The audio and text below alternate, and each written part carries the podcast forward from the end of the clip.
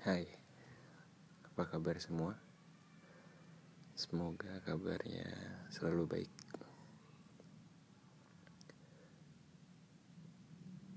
Dewasa ini masalah tuh datang dalam bentuk yang beragam gitu ya. Kayak lu tuh ketampar dari semua sisi dari atas dari kiri dari kanan dari bawah. Uh, mungkin tujuan lo apa? Lalu lu nurunin ego lo buat ya udah gue nolong ini dulu gue bantuin ini dulu gue ngedahuluin ini dulu lalu semua keinginan untuk ke nomor sekian gitu. Mungkin bukan untuk menyenangkan orang lain atau ya untuk dilihat orang lain enggak enggak enggak banget. Tapi lebih ke ya ini gua dan ini salah satu tugas dan kewajiban gua untuk melakukan ini gitu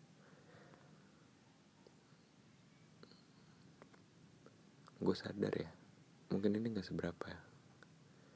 Tapi nanti pasti ke depannya akan banyak hal yang tanpa di luar dugaan kita yang wah cobaannya cukup berat ya. Mungkin kita akan bilang seperti itu gitu. Selagi lo dikasih sehat lo dikasih rezeki rezeki bentuknya macam-macam jangan lupa. Terus kalau lo dikasih kesempatan kalau lo masih punya orang tua bapak ibu lo saudara kakek nenek sepupu sebisa mungkin lo mendahulukan mereka. Mendahulukan dalam arti ya lu berbakti lu berbuat baik. Lu tolong. Jangan malah lo ya gue harus gue duluan yang bahagia.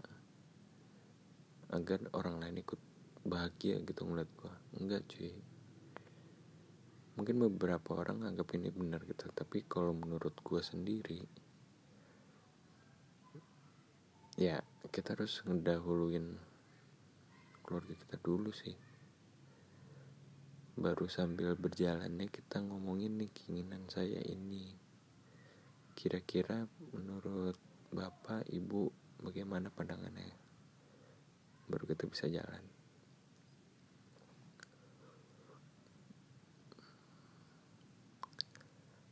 Kalau menurut Marcella di buku nanti kita cerita hari ini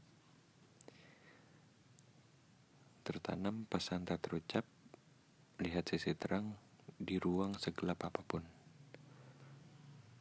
Lihat sisi terang di ruang segelap apa pun. Ketika lo banyak cobaan, semua terlihat gelap. Nggak ada terang satupun, tapi lo harus ngeliat sisi mana yang akan nanti akan jadi terang. Dan berharap itu akan jadi terang. Dari situ, semuanya akan berjalan. Semoga kalian selalu bahagia. And see ya.